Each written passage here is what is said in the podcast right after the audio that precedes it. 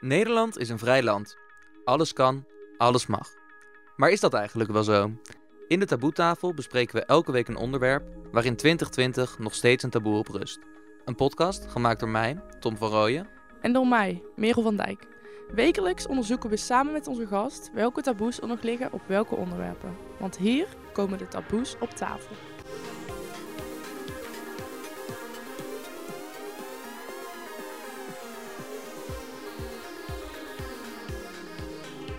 Als je mensen vraagt wat er zich nu afspeelt in ons land, krijg je uiteenlopende antwoorden.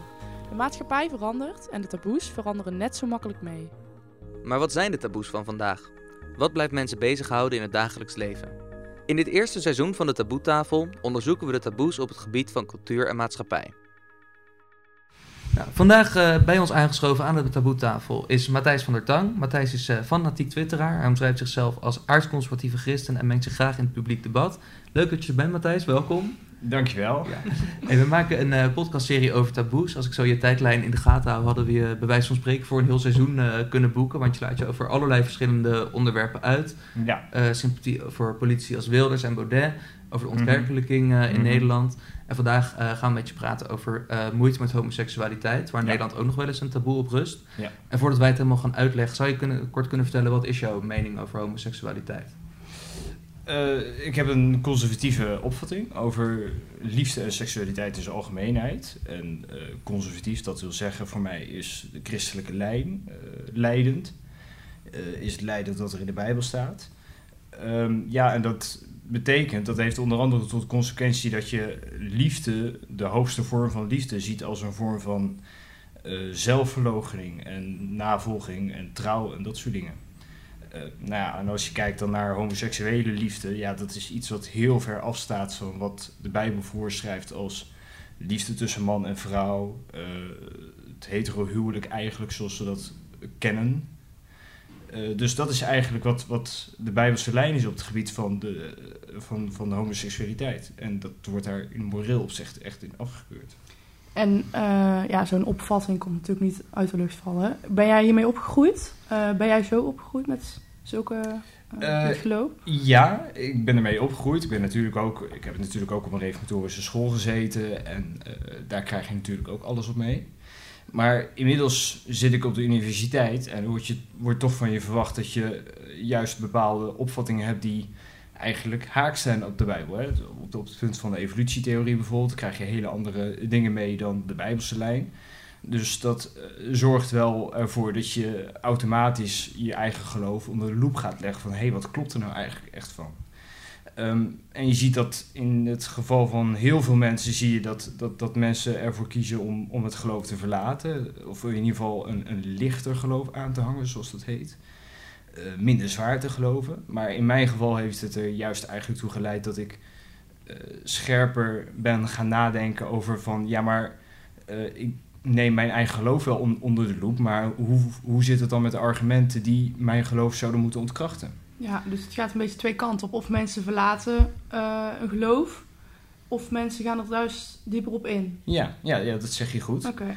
Uh, je ziet bijvoorbeeld op de UvA uh, mensen die daarop studeren. Ik sprak dus een keer iemand die zei van ja, je hebt daar ook twee mogelijkheden. En hij drukte het zo uit. Hij zei van je kunt de kant op van, van een soort van regenboogachtig figuur die helemaal van de diversiteit is en zo.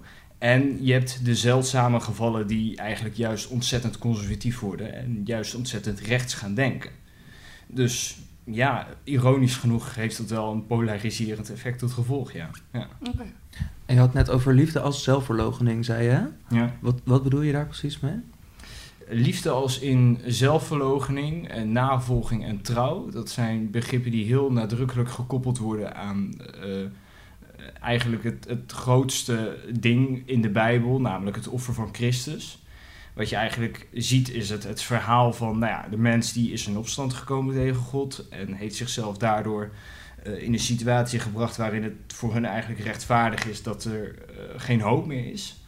En dat God ondanks die situatie er toch voor heeft gekozen om de mens hoop te bieden. Maar hoe is dat dan gegaan? Dat heeft God gedaan door zijn zoon te geven. Hè, die zichzelf heeft opgeofferd aan het kruis, eh, waardoor er ook vergeving is mo mogelijk is voor onze zonden. Dus dat, dat is het principe van navolging en trouw en, en van zelfverloochening. Hè? Dat je dus juist ervoor kiest om jezelf op te offeren en er echt helemaal voor te gaan. En waarom staat homoseksualiteit dan precies daar zo ver vanaf, zoals je zei? Nou, ten eerste omdat uh, het navolgen van Christus ook betekent dat je je houdt aan de voorschriften van de Bijbel. En die verlangen van uh, homoseksuelen dat ze uh, niet meegaan in hun begeertes eigenlijk. Um, daarnaast is het zo, als je naar gewoon, gewoon puur naar de statistieken kijkt, dan zie je ook, en dat is eigenlijk een beetje een verzwegen ding. Je mag het eigenlijk niet, niet zeggen, maar wat je wel ziet is in de statistiek is dat homoseksuelen gemiddeld genomen veel vaker bijvoorbeeld een open relatie hebben. Veel meer seksuele contacten en uh, veel vaker geen moeite hebben met nou ja, allerlei buitenissigheden die binnen een heteroseksuele relatie veel minder geaccepteerd zouden zijn. Oké, en uh, dat, is op, dat is duidelijk nu wel. Um, jij laat je heel veel uit op Twitter, op social media. Mm -hmm. uh, snap jij dat mensen daar toch wel echt heel veel moeite mee kunnen hebben? Ja, zeker. Dat snap ik heel goed. Mm -hmm. Uh, ik heb zelf ook vrienden die, die homo zijn. Dus daar voer je okay. natuurlijk ook gesprekken mee. En daar probeer je, mee, probeer je erachter te komen van... ja, waarom denk je dan precies zo? Jij en denkt zo of zij zo? Allebei. Oké. Okay. Allebei. Je stelt elkaar kritische vragen natuurlijk. En het, het mooie is eigenlijk dat kan. Hè? Je kunt echt fundamenteel van elkaar verschillen en toch vrienden met elkaar zijn. Dat is, dat, dat is mogelijk in mijn opzicht. En ja. andere mensen denken van niet. Ja, dat vind ik jammer. Ik denk dat er heel veel mensen zijn die eigenlijk op zich heel erg sympathiek zijn, waar ik veel aan zou kunnen hebben, of die veel aan mij zouden kunnen hebben, maar toch dat dat je opvatting dan iets is wat daar gewoon echt helemaal tussen staat. Oké. Um, ik zou dan denken uh, dat uh, jouw uh, opvatting meer een geloof, een overtuiging is. Maar van jouw eh, vrienden, zoals je zei, vriend homo dan? Ja, er zijn ja? vrienden van mij vrienden. die homo zijn. Oké, okay, maar dat lijkt me dan eigenlijk meer gewoon echt een gevoel. Dus kunnen zij jou ergens begrijpen? Ja, omdat heel veel vrienden van mij ook wel de achtergrond delen van mij. Dus okay. die bijvoorbeeld ook reformatorisch zijn opgegroeid ja. en in reformatorische uh, scholen zijn gegaan enzovoort. Dus ze begrijpen wel misschien wel veel beter dan, dan, dan andere mensen van, van buiten mijn refobubbel, als ik dat zo eens mag omschrijven. Uh, begrijpen ze eigenlijk veel beter waarom je bepaalde dingen denkt.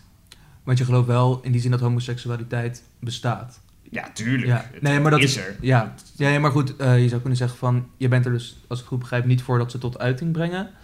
Maar je gelooft wel dat het gevoel echt is niet iets wat ze zichzelf hebben wijsgemaakt. Nou, het, het is een beetje een, een, een hele lastige discussie. Eh, je ziet dat je met homoseksualiteit kun je allerlei kanten op. En eh, er is bijvoorbeeld de vraag van, ja, is het dan aangeboren enzovoort. Eh, ik las zelf een keer van iemand die dus... die dus bijvoorbeeld geen homoseksuele relatie heeft vanuit zijn christelijke overtuiging, maar dus wel homo is. Ehm, en die zegt erover van ja, praktiseren, je doet er altijd iets mee.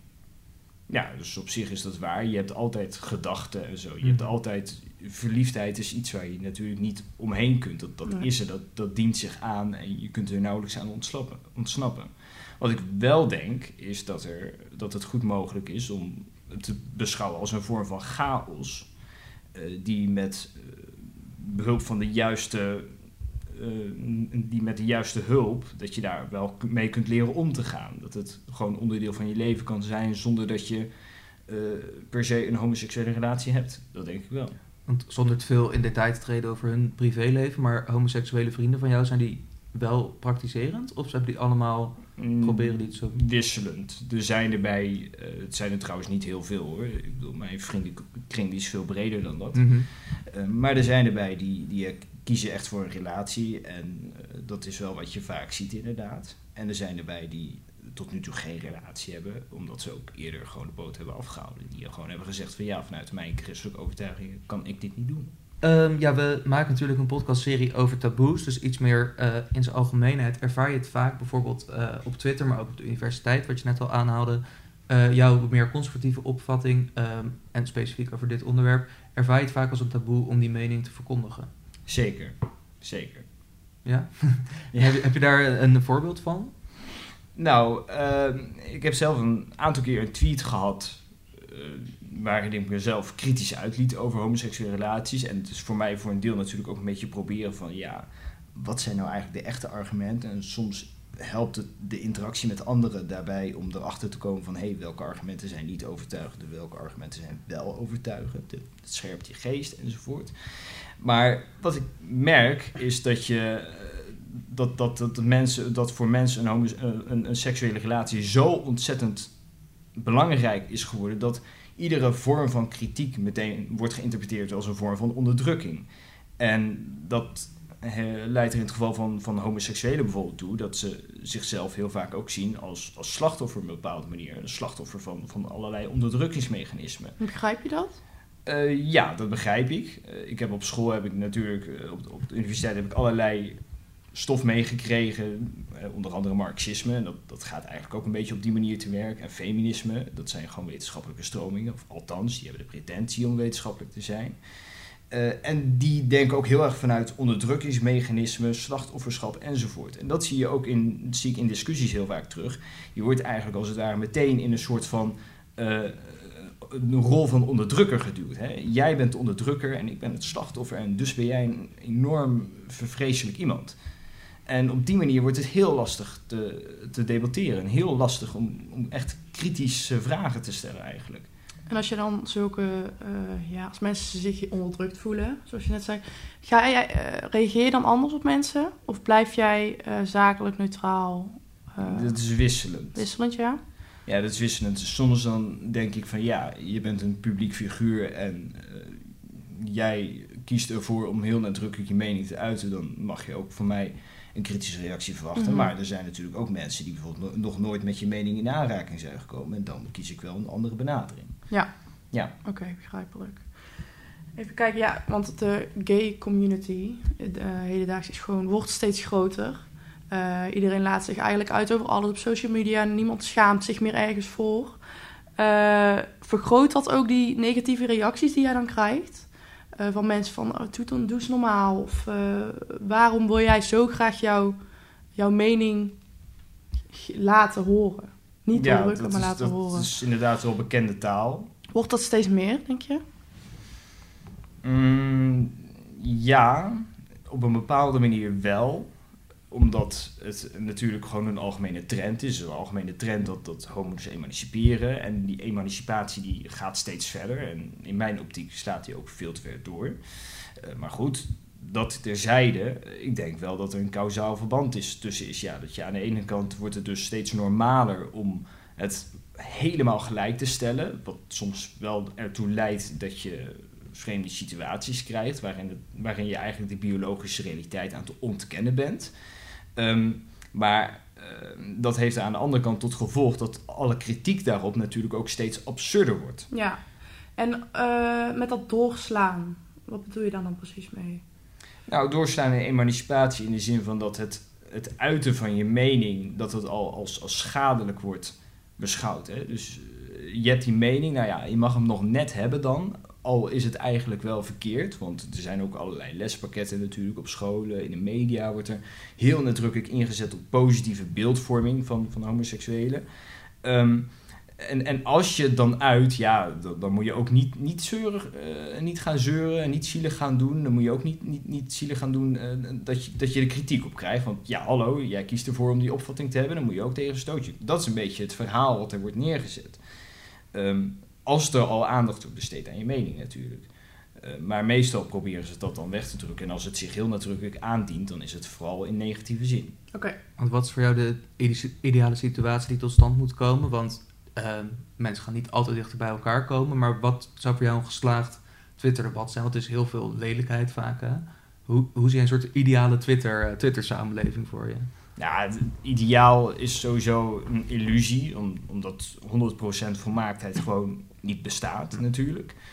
Maar het zou al ontzettend mooi zijn als er bijvoorbeeld op Twitter en op allerlei andere fora en debatten, dat er veel meer wordt gekeken naar wat, wat is nou waarheid. Hè? Dus niet zozeer naar wat voel ik of wat, wat uh, vind ik het leuk, ja of nee. Maar gewoon veel meer naar wat is waarheid. Gewoon even naar de feiten kijken, dat soort dingen. Dat, is, dat is, vind ik veel belangrijker. En het zou mooi zijn als daar meer aandacht voor zou komen. Maar, ehm, want je beschrijft homoseksualiteit als een gevoel. Aan de andere kant kan ik me voorstellen dat mensen die er recht tegenover jou staan, jouw geloof natuurlijk net zo goed niet als, Mhm. als de feiten zien. Ja. Dus wie bepaalt de, de feitelijke norm, zeg maar?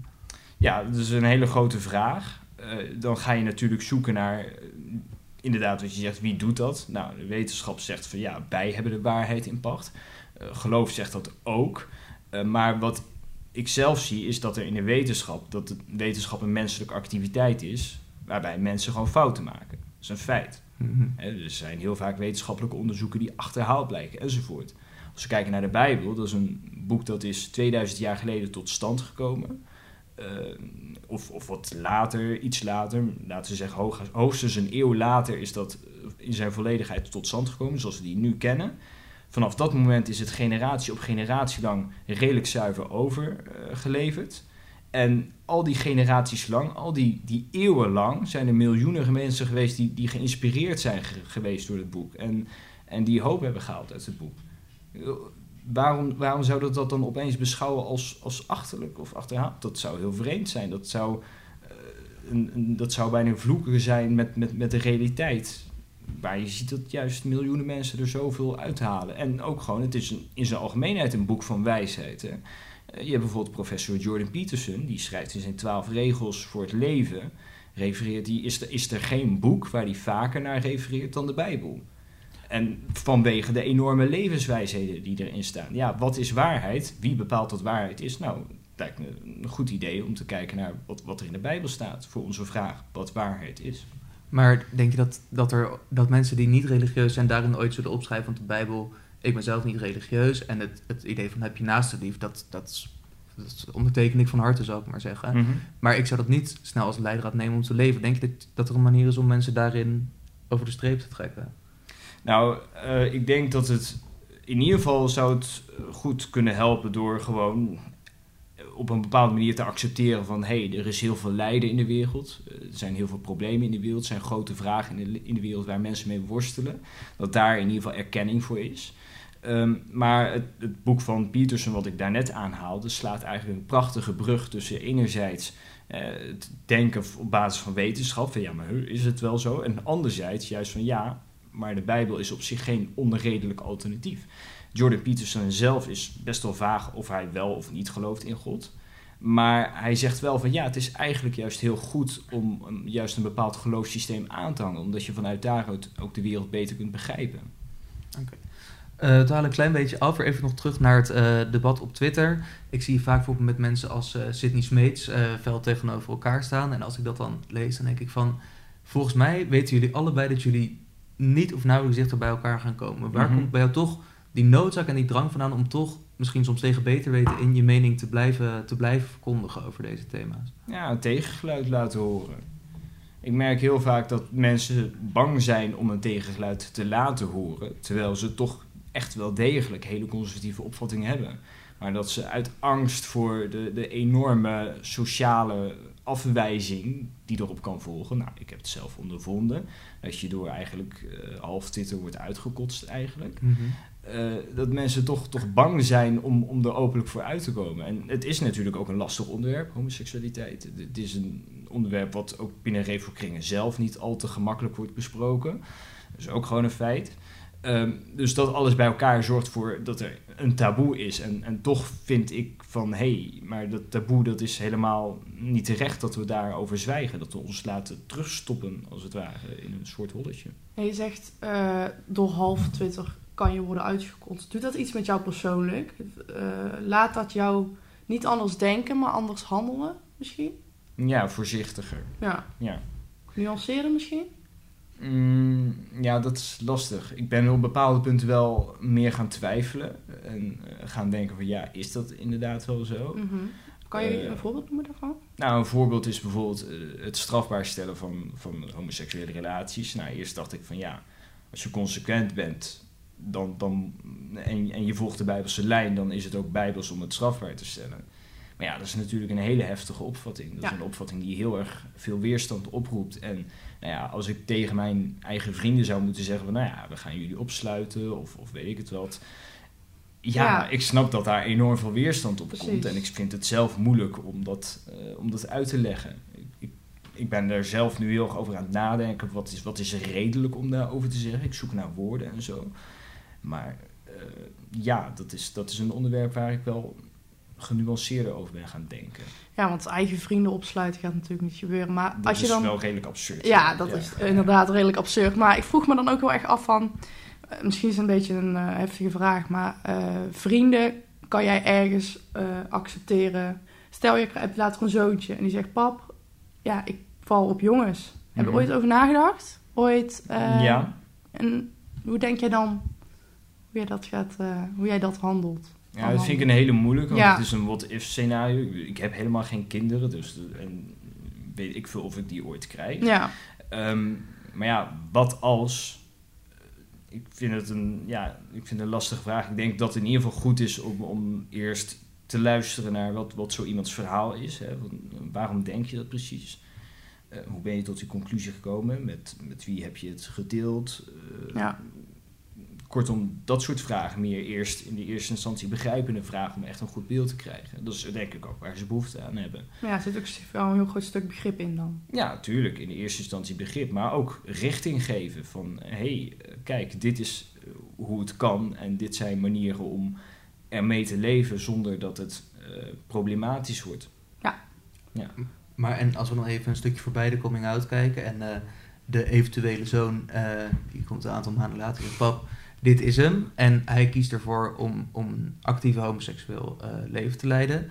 Is zijn vriendje welkom aan het kerstdiner? Of, of zeg je dit... eh, Ja, dit ik heb toevallig die vraag vandaag voorbij zien komen en ik ben aan het nadenken over het meest intelligente antwoord daarop. ja, dan is het natuurlijk opnieuw de vraag, ja, wat is wijsheid, wat is waarheid? Ehm, ja, ik vind het, ik, dat, dat, is echt een scenario wat, waar ik liever niet aan denk. Maar ja, goed, het dient zich aan en stel dat het gebeurt, nou, dan zou ik toch wel als eerste vraag stellen van ja, maar wat, wat vind je dan eigenlijk van, van de Bijbelse lijn? Wat, wat is het morele kompas? Wat, wat vind je daar dan van? Is, heeft dat dan geen betekenis meer? Ja. Ja. En als we dan even een sprongetje maken naar eh, geloof, de Bijbel. We hebben een ehm, wat oudere dame gesproken. Ons leek het leuk om er een beetje een, eh, een oudere generatie mening in te gooien. eh, van oké, hoe denkt u hierover? En ehm, we hebben een aantal vragen aan haar gesteld. En wij leek het leuk, on- ons leek het leuk om het aan jou te laten horen. En dat Mhm. jij hier dan een korte reactie op kan geven. Mijn jongste broer is homo en die is pas, dat weet- wisten wij pas, toen hij was hij 27. Hij is nu ondertussen eh, 70. Ik had er totaal geen moeite mee. Twee broers van mij wel, die vonden het heel moeilijk. Mijn vader ook. Mijn vader die klapte helemaal dicht, die ging naar zijn bed en die praatte niet meer. En mijn moeder, die, het enige wat mijn moeder zei is, ik hoop dat jij gelukkig wordt. Die accepteerde het helemaal. Ja, waarom, waarom heb je daar moeite mee? Het zijn gewoon mensen. Het, het, het is, het is helemaal geen. Ik vind er geen, vind er geen verschil in. Ik zou, niet, ik zou niet begrijpen waarom ze het zo moeilijk vinden. Dat zou ik niet gewoon niet begrijpen. Dus wat zou ik tegen zo'n jongen zeggen? Leg dan eens uit waarom.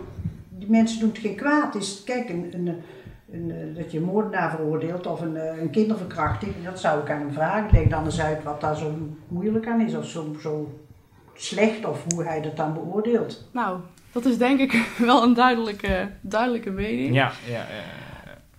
Hoe, hoe reageer je op zoiets als eh, bijvoorbeeld Corrie of iemand zoiets tegen jou zegt?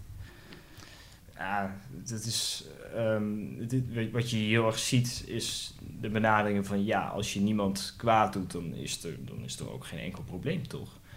Ehm, ja, dat is een opvatting die ik op zich wel kan begrijpen. Het, het voelt inderdaad ook niet als verkeerd. En zeker als je opgroeit in een maatschappij met media waarin het common sense is dat je het accepteert. eh, ja, is het een opvatting die ik heel goed kan plaatsen. Eh, aan de andere kant is zie ik ook een stukje richtingloosheid van ja, eh, een stukje van ja, doe maar lekker waar je zin in hebt. En dat is volgens mij ook geen, geen goede lijn. Dus een hele individualistische lijn, maar daarom niet per definitie een goede lijn. Oké. Dat ik me toch afvraag waar ik nog niet helemaal achter ben van wat kan het jou nou precies schelen? Want ik snap waar je opvatting vandaan komt, denk ik. Ehm, maar ik zou dan denken, oké, op, op, op een goede dag is er één iemand die, daar, eh, die daarover oordeelt. Maar je hebt het ook over dat je soms twijfelt aan de gedachte van... is het goed om homoseksuele relaties strafbaar te stellen. Wat maakt jou het nou uit dat mensen die, die jij niet kent, dat die op een bepaalde manier hun leven leiden? Nou, in de eerste instantie, wat niet weet, dat niet deert. Als je, zolang je er niks van weet en er niet mee geconfronteerd wordt, kan het je ook niet schelen. Mhm. Eh, komt het dichterbij, dan, dan verandert er iets, want dan, dan moet je er een antwoord op vinden. Maar volgens mij is het zo dat, de, dat, dat het niet per se de eerste respons moet zijn van, van eh, het is prima om er aan toe te geven. Maar de eerste vraag is ja, wat is je morele richtsnoer? En als je morele richtsnoer nou van jou verlangt eh, dat je het niet doet. Ik bedoel, dan, dan moet je ofwel je morele richtsnoer aan de kant schuiven, ofwel je moet eh, je eraan onderwerpen, of, of, of je moet er eh, iets anders mee. Hè? Dus, dus het, is een, het is een best wel groot dilemma eigenlijk. Ja. Maar als jij leeft Maar volgens, wat- je- volgens jouw eigen morele richtsnoer, wat maakt het dan jou uit als iemand anders dat, dat niet doet? Heb je het gevoel dat je zo iemand moet redden? Want je zegt wat niet weet, wat niet deert. Moet, je, moet jij diegene overtuigen dat jouw richtsnoer beter is dan het zijne eigenlijk? Mm, niet per se. Ik zal niet meteen tegen iemand die homo is zeggen van... hé, hey, maar eh, gozer, wat, wat jij doet, dat is niet helemaal pluis, vriend. Eh, Nee. dat, dat, dat lijkt me duidelijk. Maar wat mijn insteek in zo'n situatie zou zijn... is eh, in ieder geval uitleggen hoe je er zelf in staat... als er ruimte is om dat te bespreken uiteraard. Want vaak is die ruimte er ook niet... omdat mensen je überhaupt niet begrijpen. En dan is het ook zinloos om daar überhaupt een gesprek over proberen te beginnen. Ehm, en dan zou ik toch ervoor kiezen, omdat ik eh, wel een idee heb van... hé, hey, zo iemand eh, is het ook waard om met het christendom in aanraking te komen... en eh, te laten zien van, hé, hey, er zijn ook andere manieren om in het leven te staan. En die manier, die volg ik. Heb je ooit spijt gehad van een uitlating? Mm, nou, ik heb één keer dus wel gezegd van... ja, wat mij betreft mogen we het wel weer gewoon strafbaar stellen... Online? Ja, en daarvan denk ik misschien wel van, hm, misschien had ik dat beter niet kunnen tweeten, want daardoor zijn mensen wel echt opeens omgedraaid als een blad aan de boom van heel erg eh, vriendelijk naar ontzettend agressief. Ja. Waar ik me iets bij kan voorstellen natuurlijk. Eh, maar aan de andere kant, ja, het was wel een heel eerlijk antwoord. En ik vind dat je voor een eerlijk antwoord jezelf niet zou hoeven eh, moeten te schamen. Je zou dus eerder spijt hebben eh, vanwege de reacties die erop kwamen Ja. dan dat je inhoudelijk Ja. daarin eh, bent gedraaid. Eerder vanwege de reactie dan, dan vanwege de inhoud. Oké. Eh, ja, tot slot willen we graag een blik werpen in de toekomst over dit, dit taboe, moeite met homoseksualiteit. Kijk, vroeger was jouw mening natuurlijk salonvee gaan tegenwoordig bij Ja. eerder de uitzondering. Mhm. Hoe zie jij de toekomst? Denk je dat het tij nog zal keren of zie je het, zie je het somber in? Ja, dat is een grote vraag. Wat je ziet is dat de maatschappij die heeft een neiging om natuurlijk steeds meer te emanciperen. En ik zie dat zelf als somber in, omdat die emancipatie steeds absurdere vormen aanneemt. Eh, met, tot aan een verbod op het navolgen van je eigen geloof toe. Dat vind ik een hele sombere ontwikkeling. Wat ik echt weer Het positief verbod op het naleven van je geloof? Hoe bedoel? Ja, dus wat je bijvoorbeeld in Zwitserland ziet, dat is laatst ook in het nieuws geweest, dat je bijvoorbeeld als, als bakker mag je bijvoorbeeld geen, eh, mag je niet meer weigeren om een taart te bakken voor een homoseksueel stel. Eh, een, een bruiloftstaart. Eh, ik bedoel, dat mag je niet meer weigeren, want dat heet discriminatie. Nou, ik vind dat absurd. Ik, ik vind dat je de vrijheid moet hebben om, om je christelijke geloof na te leven. En aan de andere kant zie ik ook dat juist in de populistische hoek weer mensen zijn die toch zo'n idee hebben van ja, wacht eens even, we waren er wel heel erg leuk voor, maar we zien wel dat het nou wel hele rare vormen aanneemt. We moeten misschien toch niet eens even wat kritischer daarna gaan kijken. Dat zie ik ook en dat, dat beschouw ik meer als een, als een positieve ontwikkeling. Maar het zou ook mooi zijn als, als christenen in Nederland daar ook meer oog voor zouden krijgen en ook het, in die zin het- de populistische tegengeluid meer zouden waarderen. Ik, eh, Matthijs, ik denk dat wij jou eh, gaan bedanken voor het eh, plaatsnemen aan onze taboetafel. Ja, Ja. graag gedaan. Ja, en ook de luisteraars heel erg bedankt voor het luisteren. En tot volgende week, want dan ligt er weer een nieuw taboe op tafel.